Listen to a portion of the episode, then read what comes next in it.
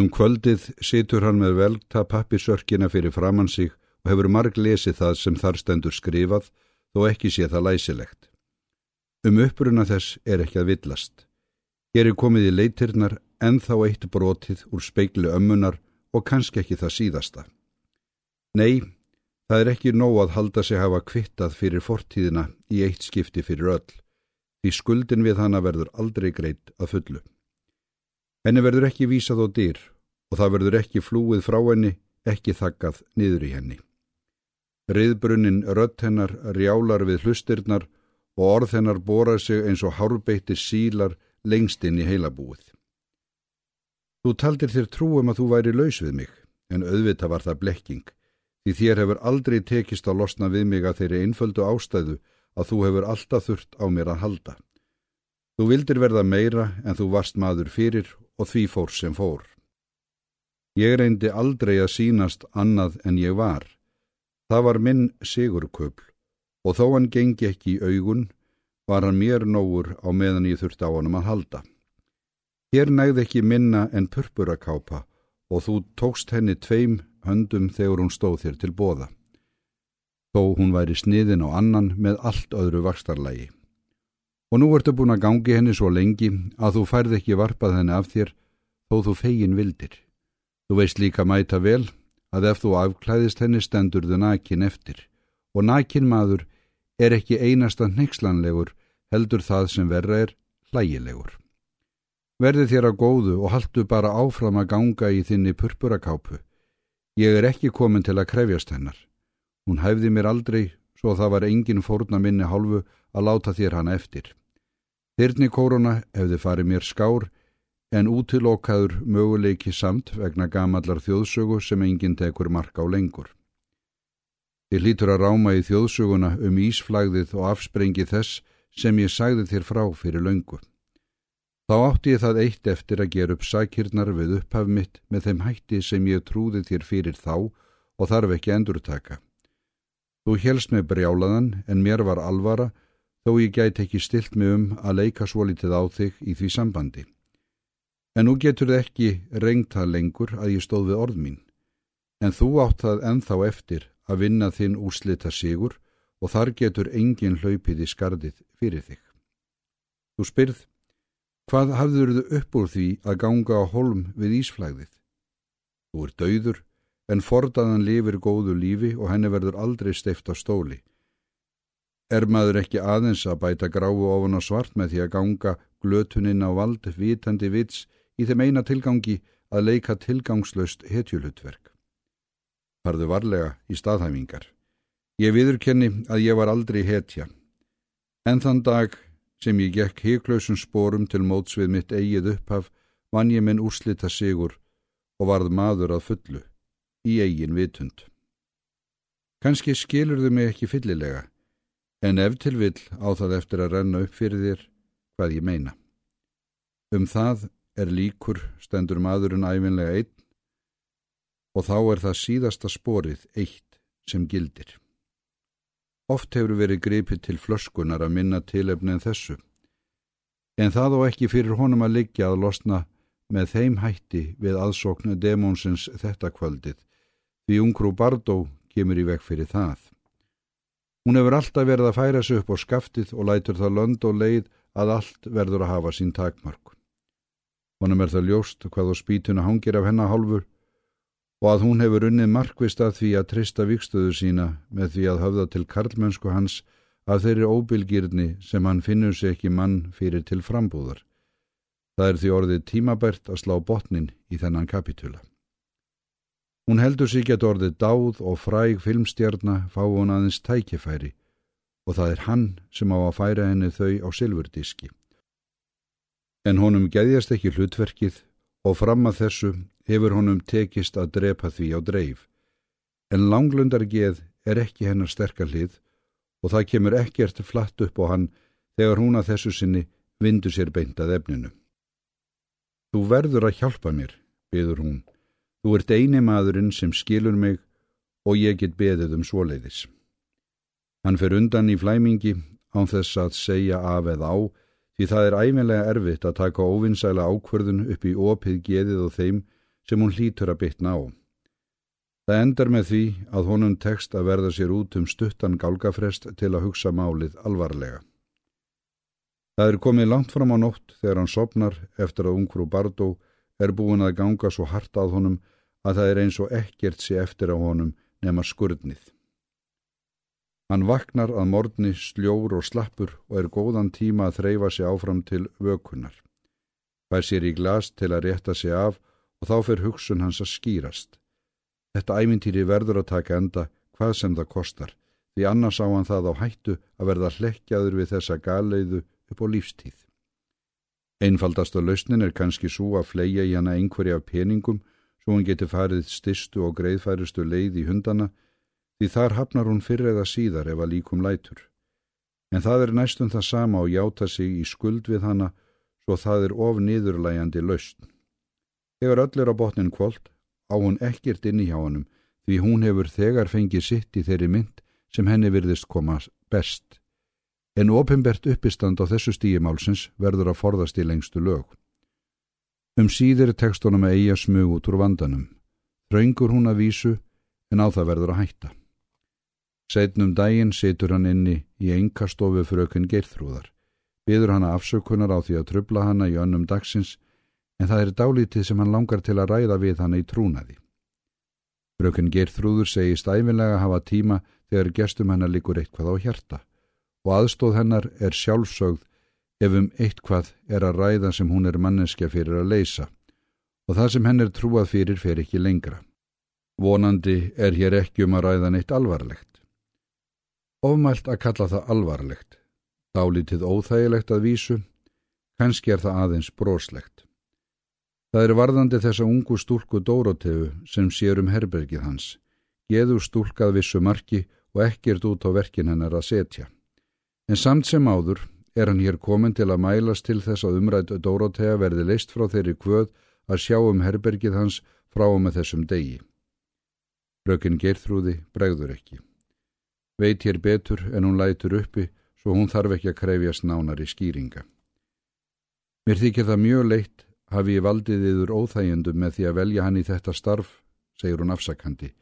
Ég vissi ekki annað þegar ég reði hanna en að hún væri háttvísi framkomu og allt það, en ég verð þó að segja að hún hefur valdið mér nokkurum vonbröðum þó ég hef ekki gert alvöru úr því að taka hanna til bæna. Mér þykir þetta mjög leitt yðarvegna.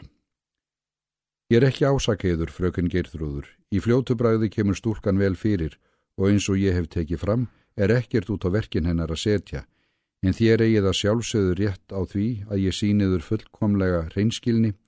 Sannleikurinn er sá að stúlkan er orðin dálítið ágeng upp á síðkastið, þér skiljið.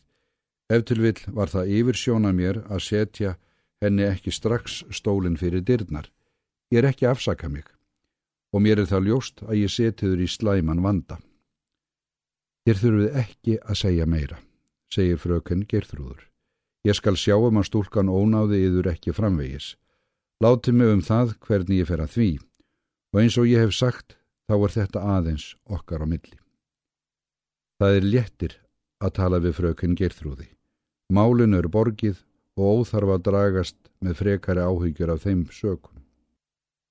Fröken Gerþrúður hefði kosið að meg að láta skrýða til skarar laungu fyrr í þessu leiðinda máli því samband skálsins og stúlkunnar Dórotöfu var að verða óþægilega opinskátt fyrir orðstýr hótelsins.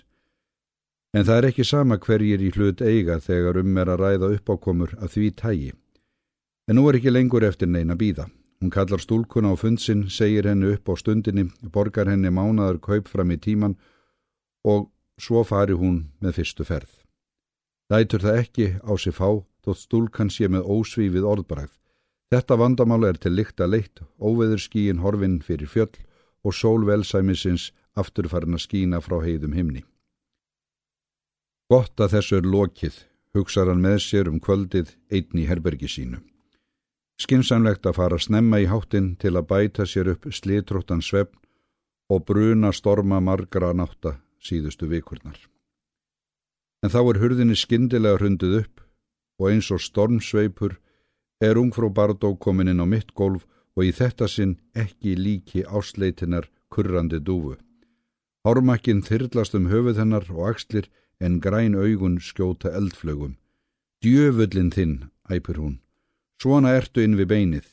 Ég hef aldrei þekkt nátíkarlegri ótugt en þig, svo ansteggilegan svíðing. Þú varst fegin að fá það hjá mér á meðan þú helst að þú fengir það gratís en þegar koma því að borga ætlar að hlaupa frá öllu saman eins og halakliftur hundur. Henn er svo mikið niðri fyrir að hún verður að þagna til að ná andanum. Hann grýpur tækifærið og ber af sér lægið. Þér hlýtur að vera ljóst að það gati ekki orðið framhald að ræða á því sem okkur fór á milli svo það er okkur báðan fyrir bestu að því sé lokið.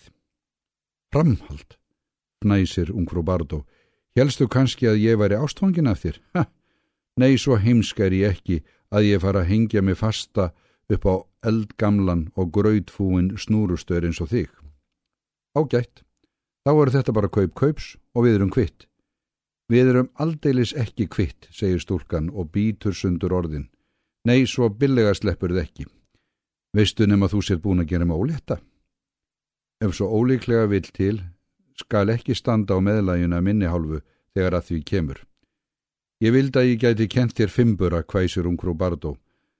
Það færi kannski um þig að borga með þeim öllum, annar en stjöfulsins maurapúki og þú ert.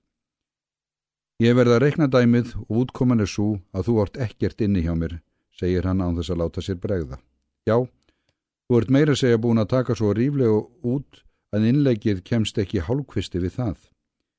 Ég hef ekki hugsað mér að senda þér rekning fyrir mismuninum og sé það einhver huggun fyrir þig skal ég fúslega játa að ég er komin í þrótt. Mikið er að þú kannast við það, reytur hún út úr sér fyrirlitlega. Þú þart svo sem ekki að halda að það hafi verið tekið út með saldina að koma þér til.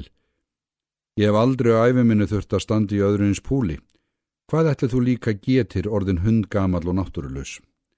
Það er þá varlega eftir sjá að mér og þér verður ekki skota skuld úr því að verða þér út um eftirmann minn sem er kvorki gamal eða náttúrulegs og borgar þar að auki það sem þú setur upp. Þú ert anstíkilegur, segir stúlkan og æsir sig upp. Það er þér að kenna að búið er að reka mig.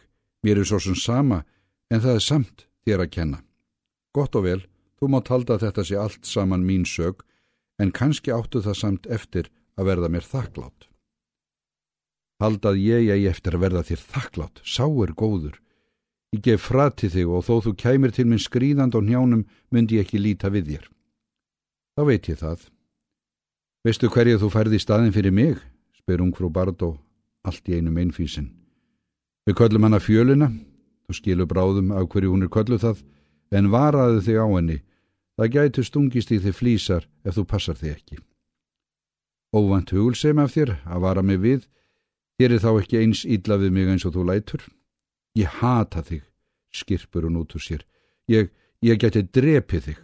Ofsina er undurtökunum og hún þrýfur blómavassan á borðinu en áður en hún fær ráðrum til að kasta honum er fröken Geirþrúður komin að baki hennar, grýpur þjettingsfast um handlegstúlkunar svo hún missir vasan á gólfið og hann sundrast. Strax og ung frá Bardó verður ljóst hver hefur skorist í leikin á svo sviplegan hátt rýfur hún sér lausa og þýtur og dyr en fröken Geirþrúður stiðst við borðið náföl og titrandi og má varla mæla.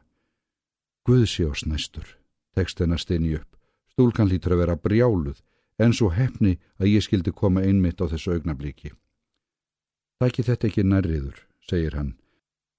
Það var engin bráð hætta á ferðum. Ég er enþá maður til að bera hönd fyrir höfuð mér. Ég er alveg eðilögð segir fröken Geirþrúður veikróma. Hún er svo miður sín að hann verður að steyðja hana til sætis svo hann fái jafnað sig. Það var hreinasta tilviljun að játti leið hérna fram hjá dýrunum bætur hún við til að skýra þessi afskipti sín. Hann sækir pela og glasin í skáp og hellir í það koniakslögg og berað vörum hennar. Drekki þetta, segir hann. Það er gott við slæmum taugum og fröken Geirþrúður kingir auðsveipur úr glasinu tekur andköf en róast fljótlega og verður sjálfur sér lík. Þakkaður fyrir, segir hún, þetta var dásamlega styrkjandi, en mér þykir ákæflega leiðilegt að þetta skildi koma fyrir. Hafið ekki áhyggjur af því, segir hann hugreistandi.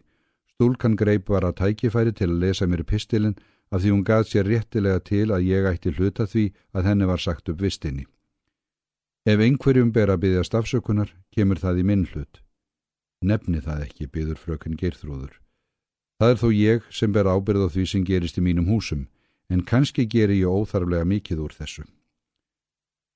Það tekur nokkura stund að uppræta sjálfsásakanir hennar og sannfæra hann um að skinsamlegast sé að láta eins og í ekkert hafi skorist. Og þegar hún hefur kvart blandar hann sér í glas til að friða taugarnar sem hafa farið nokkuð úr jafnvægi. Hann er þó allskáður þegar nýja herbyrgisthernan lítur inn skömmu síðar. Hann hefur oft séð henni bregða fyrir en aldrei veitt henni aðtegli frekar en hverstagslegu húsgagni. En strax og hún kemur inn úr dyrunum rennur nafngiftin upp fyrir honum.